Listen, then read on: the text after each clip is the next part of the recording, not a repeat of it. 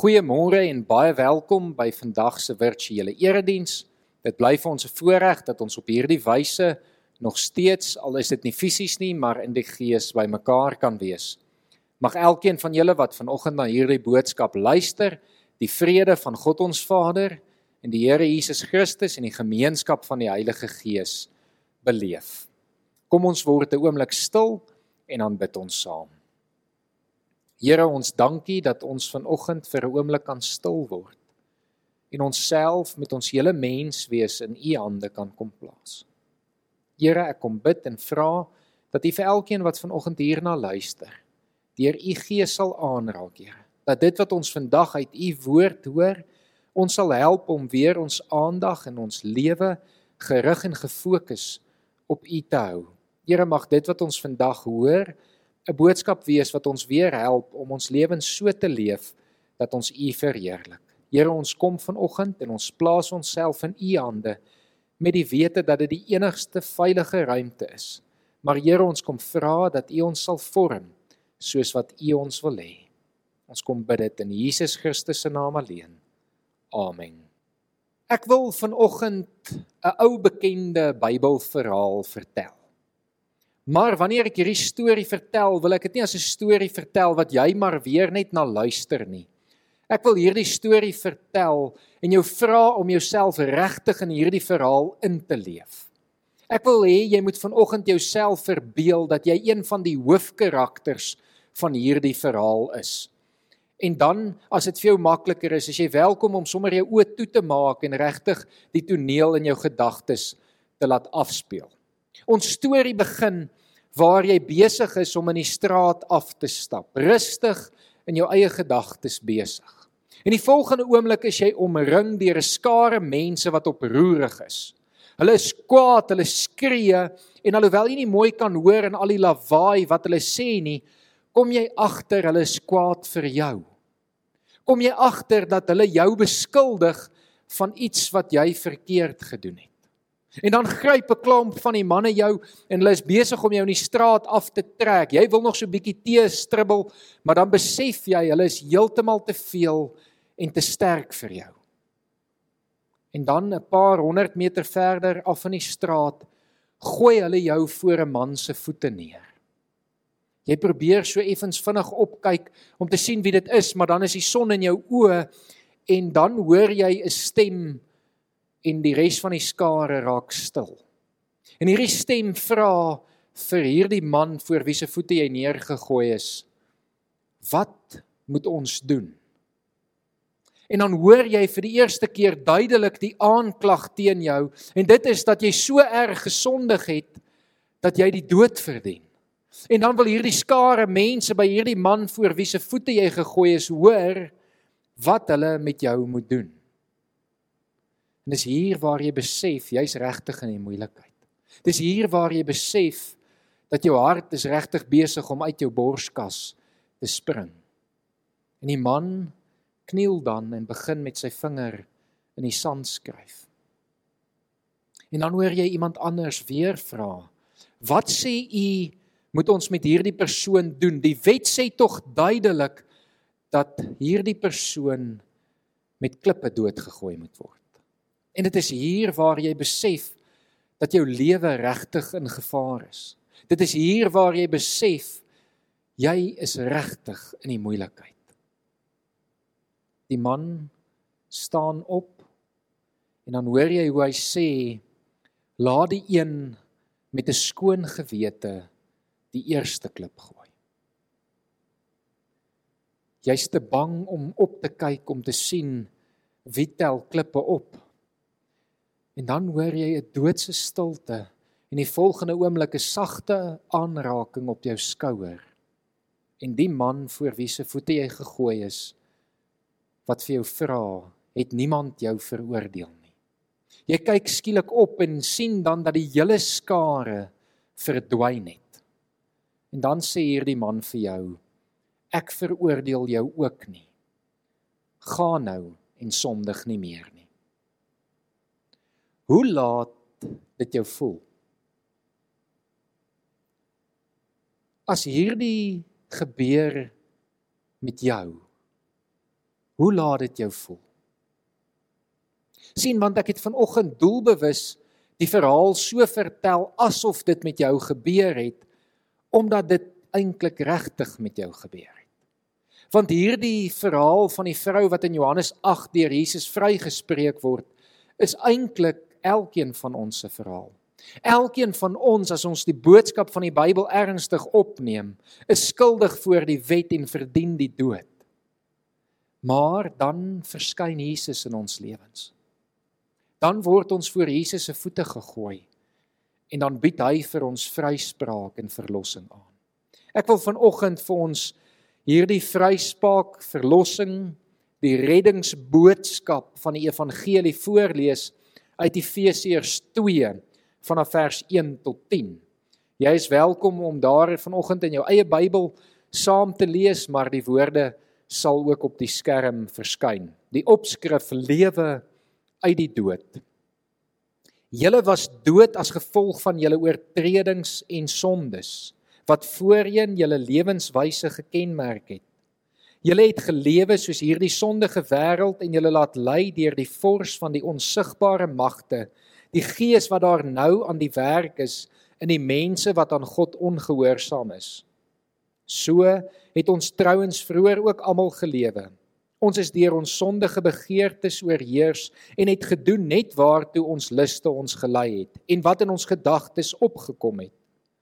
Vanweë ons sondige natuur sou ons net soos die ander mense deur God gestraf moes word. Maar God is ryk in barmhartigheid en het ons innig lief.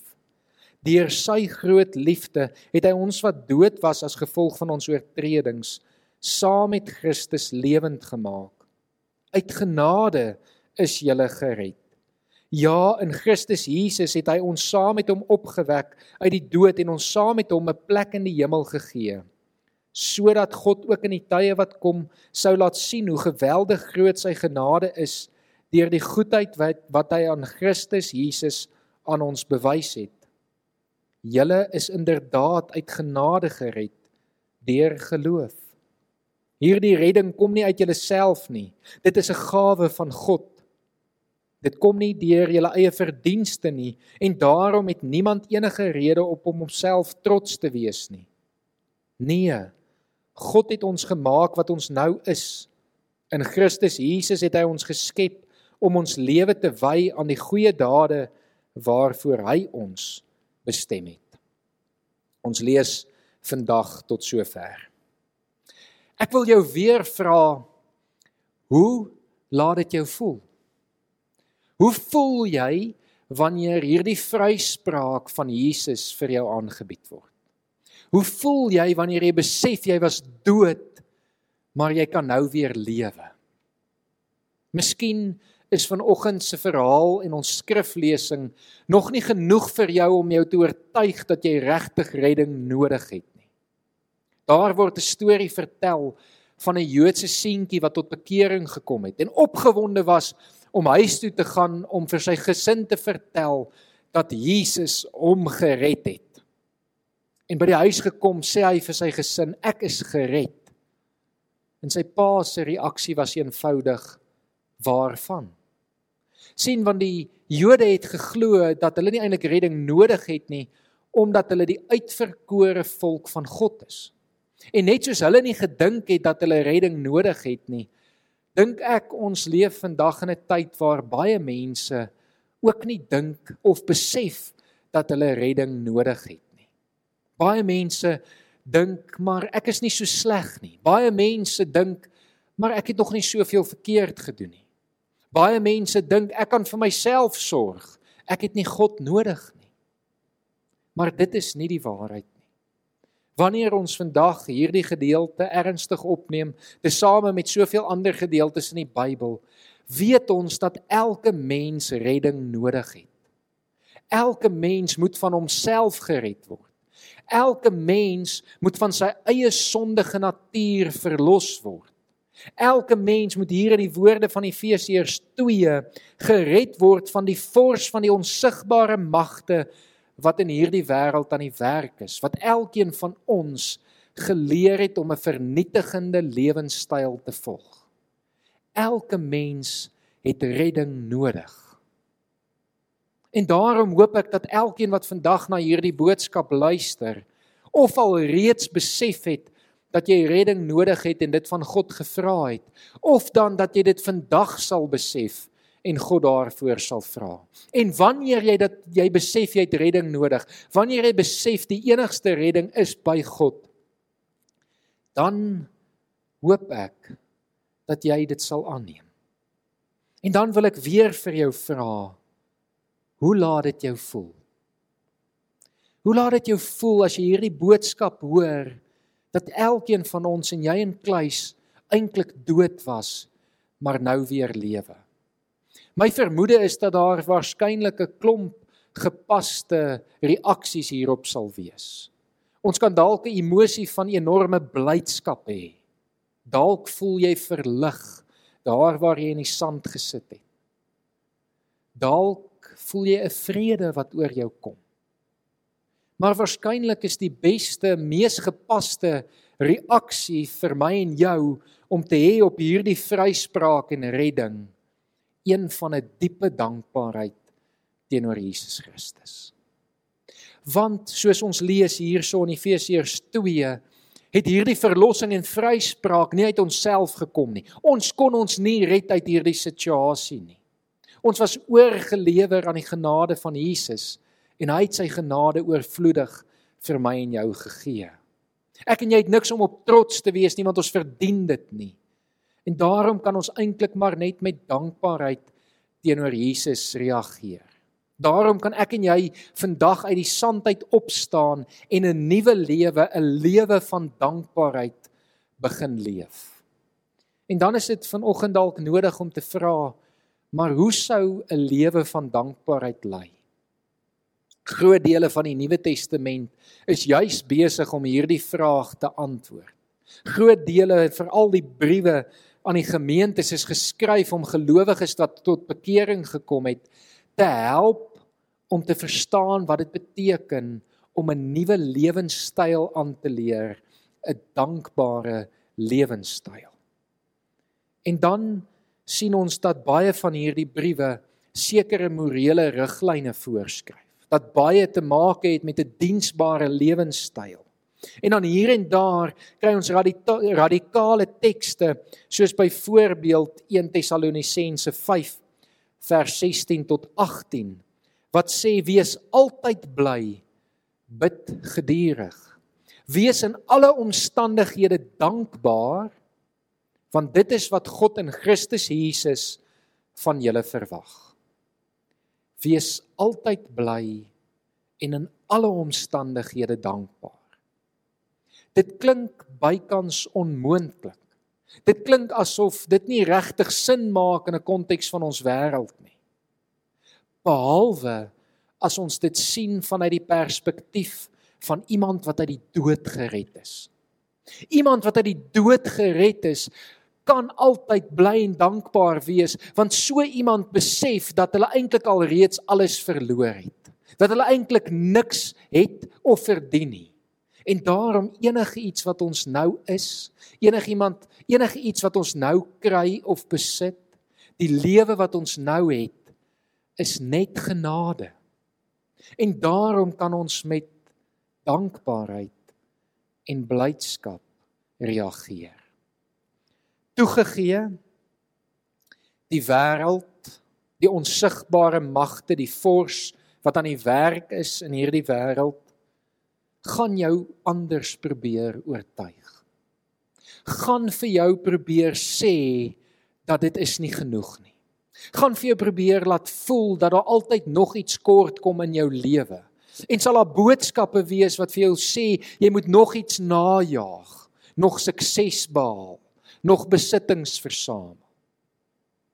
En soos ons na hierdie boodskap van die wêreld luister, raak ons mettertyd onvergenoegd en uiteindelik ondankbaar op ons redding. Maar sien as ons vanoggend hierdie boodskap ernstig opneem en die boodskap van redding wat verkondig word deur Jesus Christus se sterwe, opstanding en lewe. Die waarheid van daardie boodskap is dat dit wat Jesus vir ons gedoen het is genoeg. Niks meer is nodig nie. En daarom kan ek en jy met dankbaarheid daarop reageer in alle omstandighede. Met die wete dat maak nie saak wat oor ons pad kom nie, selfs tydelike swaar kry. Dit wat Jesus vir ons gedoen het, is genoeg. Die ewige lewe wat hy vir ons aanbied, is genoeg. Ek en jy het niks meer nodig nie. En wanneer ons dan met hierdie dankbaarheid reageer, dan besef ons dat hierdie dankbaarheid eintlik 'n verdediging is teen swaar kry. Dan besef ons dat wanneer ons met dankbaarheid op ons lewe, op ons redding wat Jesus vir ons gegee het, reageer, ons anders na ons omstandighede begin kyk. Jakobus stel dit radikaal in sy brief wanneer hy sy brief begin met die woorde: "Julle moet baie bly wees wanneer allerlei beproewings oor julle kom. Want soos julle weet, as julle geloof die toets deurstaan het, stel dit julle in staat om te volhard. En die volharding moet end uit volgehou word sodat julle tot volle geestelike rypheid kan kom sonder enige tekortkominge. Wanneer ek en jy gered word en dankbaar reageer, stel dit ons in staat om te volhard ook in tye van beproewinge en swaar Dankbaarheid word 'n skild vir ons teen die omstandighede waarin ons onsself mag bevind, want ons fokus, die manier hoe ons na ons omstandighede kyk, lyk anders en daarom kan ons altyd met blydskap en dankbaarheid gevul wees, want ons weet dat die redding van Jesus genoeg is. Hoe laat die verlossingsboodskap jou voel? Wil jy met dankbaarheid reageer? Is jy gereed om met dankbaarheid te begin leef? Want 'n dankbare lewenstyl is soveel anders as die wêreld. 'n Dankbare lewenstyl gaan eintlik direk in teen met die wêreld. En daarom kan die wêreld nie bekostig dat ek en jy as gelowiges met dankbaarheid op ons verlossing reageer nie. Daarom probeer hulle ons altyd anders oortuig. Maar wanneer ek en jy met dankbaarheid reageer en 'n dankbare lewenstyl aanneem, verander ons lewens en dikwels die omstandighede van diegene rondom ons se lewens ook. Want 'n dankbare lewenstyl besef dat ek nie meer vir myself moet leef nie. In die woorde van 2 Korintiërs skryf Paulus vir ons dat wanneer ons besef dat ons gered is, ons nie meer vir onsself moet leef nie, maar vir hom wat vir ons gesterf het en opgestaan het. Met ander woorde, 'n dankbare lewe beteken dat ek en jy nie meer vir onsself lewe nie, maar uit dankbaarheid ons lewe aan God wy. En dit beteken ons prioriteite sal anders lyk. Waar die wêreld individualisties ingestel is, gefokus is op my eie belange, gefokus is op wat ek graag wil hê, kom gelowiges in dankbaarheid en sê ek is ingestel op wat God wil hê. Die eerste ding wat sal verander in my en jou gebed en my my en jou geloofslewe wanneer ons met dankbaarheid in ons redding reageer, is ons gebedslewe. Skielik sal ons met ons woorde ons dankbaarheid vir God wil sê. Dit is natuurlik die eerste en belangrikste en maklikste stap. Here, dankie dat U my gered het. Maar die res van ons gebedslewe sal ook anders lyk. Want die doel van ons gebedslewe sal nie meer wees oor wat God vir my kan doen nie, maar wat ek vir God kan doen. Iemand wat regtig dankbaar is dat ek gered is, het nie eintlik veel meer nodig nie en daarom het ons nie meer so baie versoeke vir God nie. Maar vra ons Here, wat kan ons vir U doen? Here, dankie dat U my gered het. Dis genoeg. Wat kan ek vir U doen? Ons gebedslewe se eerste prioriteit se doel raak God se wil en God se koninkryk.